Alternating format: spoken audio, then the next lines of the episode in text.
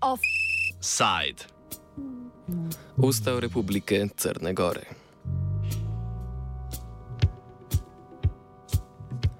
Črnogorski parlament je drugič sprejel spremembo zakona o predsedniku, kar prinaša ključne spremembe pri imenovanju mandatarja za sestavo nove vlade.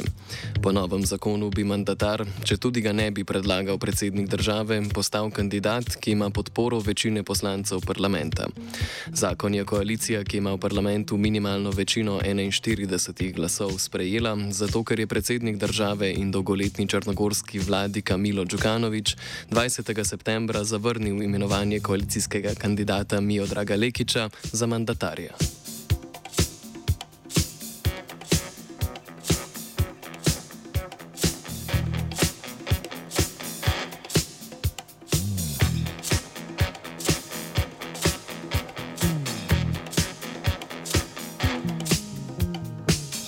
Tehnični premijer tako ostaja Dritan Abazovič, ki se je v zadnjem letu izstrelil v center črnogorskega političnega prostora. Aprila je najprej zrušil vlado zdravka Krivokapiča, konec avgusta pa je kot premijer ostal brez podpore Džukanovičeve demokratične stranke socialistov.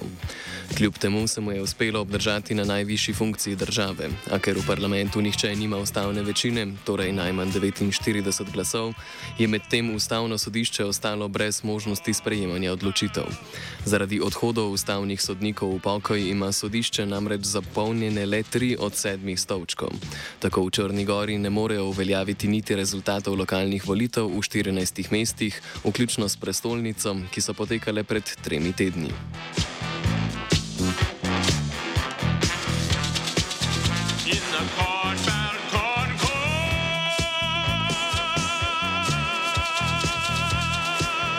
Džukanovičeva demokratična stranka socialistov iz opozicije seveda trdi, da je novi zakon o predsedniku neustaven.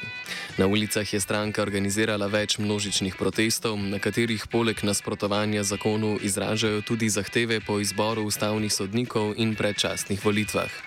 Predsednik Džukanovič je z ustavnimi argumenti, a političnimi interesi na začetku novembra z odložilnim vetom že preprečil uveljavitev spremenjenega zakona o predsedniku.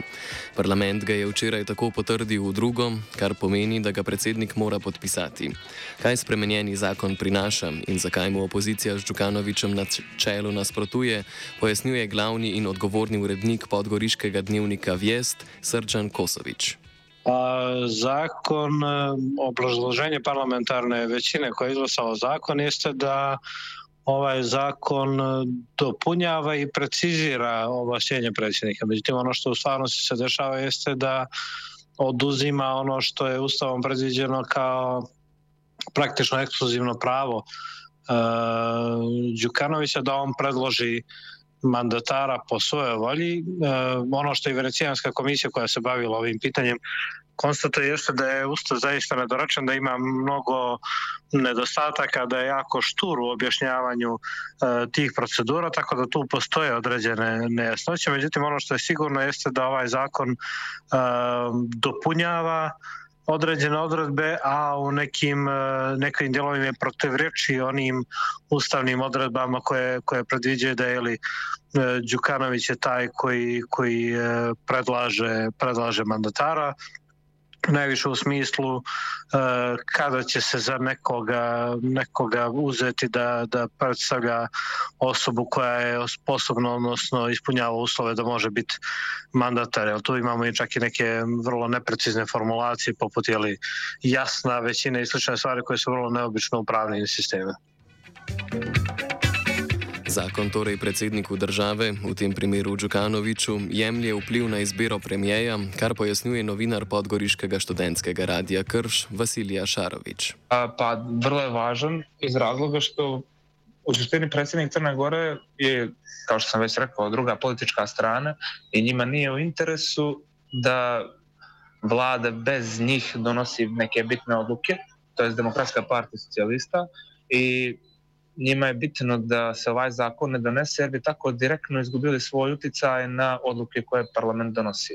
Samim donošenjem zakona pred predsjedniku e, novim koji je izglasan, predsjednik gubi jeli, te sposobnosti, odnosno moći koje je imao ranije i oko toga je sva frka. Tako da to je to u suštini. Čukanovič je torej zakon že vrnil v parlament na ponovno glasovanje, a njegove možnosti za preklic sklepa zakona le niso neomejene. Kaj je predsedniku formalno dovoljeno? Đukanović ima tri dana da se tri dana da se izjasni po ustavu, on je obavezan da ga potpiše.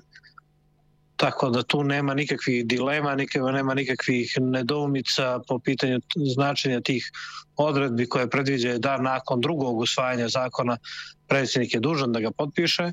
Međutim, kako svjedočimo unazad nizu neustavnih poteza ove godine, ne vjerujem da bi neko narošto bio iznenađen da se, da se to ne desi, s tim što ja iskreno sumnjam da da, da će se Đukanović odvažiti na tako očigledno neustavan potez, jer je čak kad su njegovi poslanici do, donosili neustavne odluke, poput recimo odlaganja lokalnih izbora, kada su neustavno produžavani mandati, tad još Ustavni sud imao kvorum pa odlučio o tome i proglasio te zakone neustavnim, čak i tad je Đukanović formalno e, vratio taj zakon na potpisivanje, onda ga potpisao u drugo, nakon drugog usvajanja ili u toj formi kada on mora, navod, mora da, ga, da ga potpiše.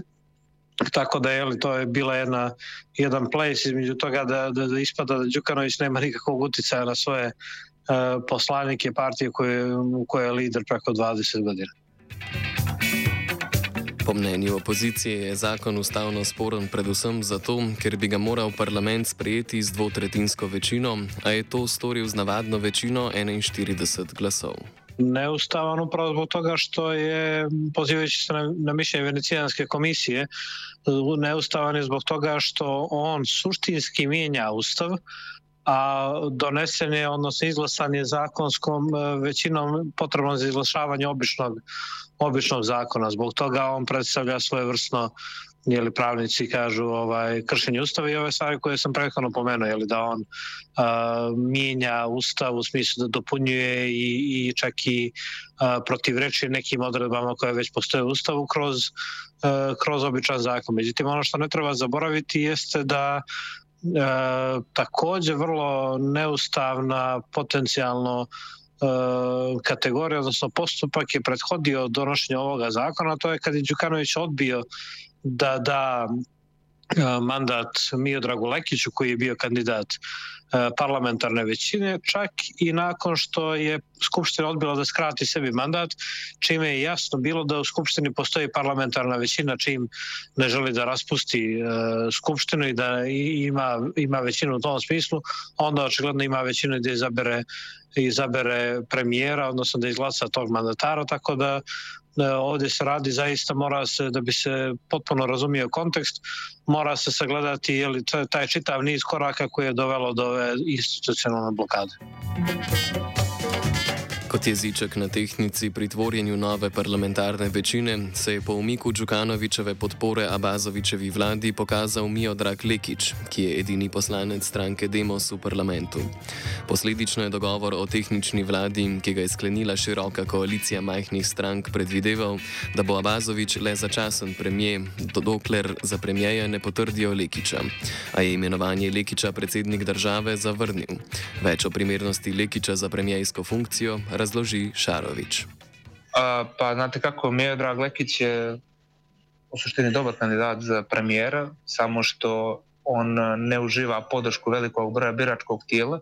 Njega je na prošlim parlamentarnim izborima konkretno podržalo 1,5% glasača i mislim da sami možete zaključiti da to i nije baš ovako dobar kandidat kad već nije podržan od strane tolikog broja ljudi i sam e, predsjednik ima u suštini veću moć za 35-6%, što ga nekako stavlja u jači položaj.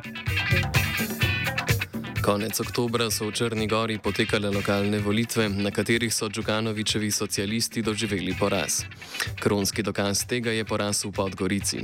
Rezultati odmevajo tudi v parlamentu, saj sta Demokratska fronta in Demokratska Črna Gora dosegli dober rezultat. Stranki v parlamentu Abazoviču zagotavljata večino, po njunem uspehu na lokalnih volitvah pa bi lahko zahtevali nov dogovor o delitvi funkcij na državni ravni.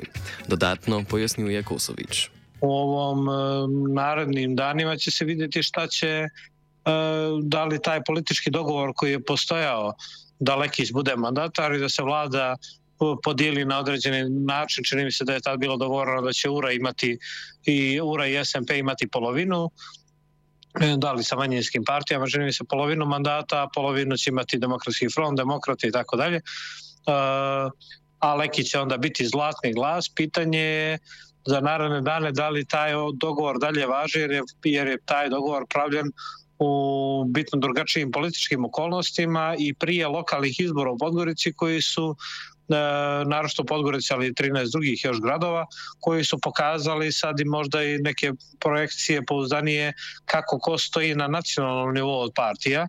Tako da pitanje je da li će sad DF i demokrata recimo pristati na, to, kao, na takvu podjelu resora pola-pola, kad je očigledno da, da je njihova politička snaga E, veća i podrška građana i naravno bitan element je to da, da novi politički subjekat Evropa sad je na, na, na izborima u naravno u Podgorici imao briljantne rezultate, dakle posle DPS-a pojedinačno najviše osvojio glasova, a nije zastupljen u, u, u Skupštini jer nisu bi izašli na, nisu ni postojali kad su bili izbori parlamentarne 2020. i to je onda sad i pitanje je li njihovog neprisustva u toj vladi kako će se to odraziti i na njih, ali generalno na legitimitet i te i takve vlade.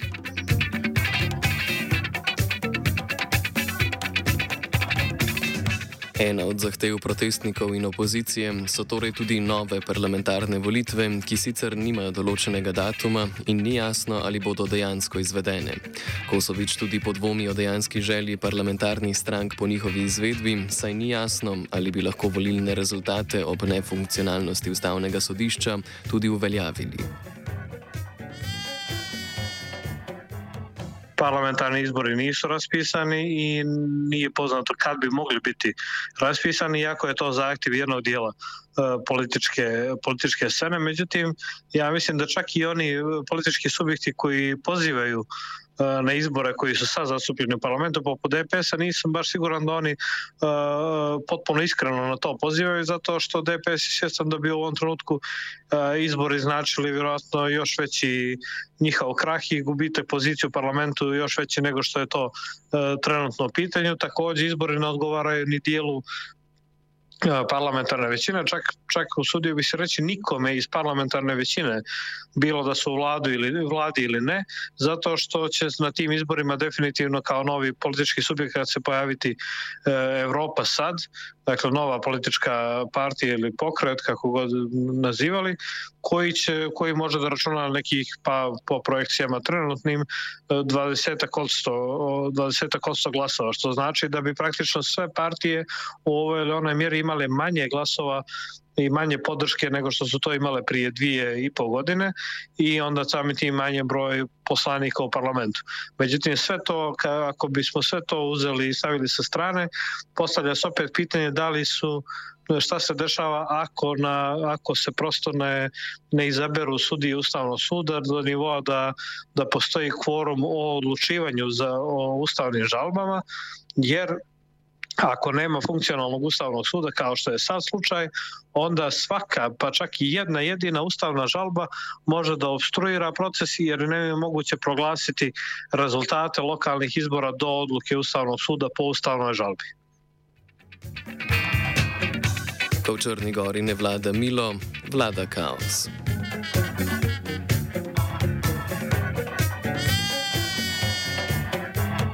Offside sta pripravila vajenec Stilen in Zala.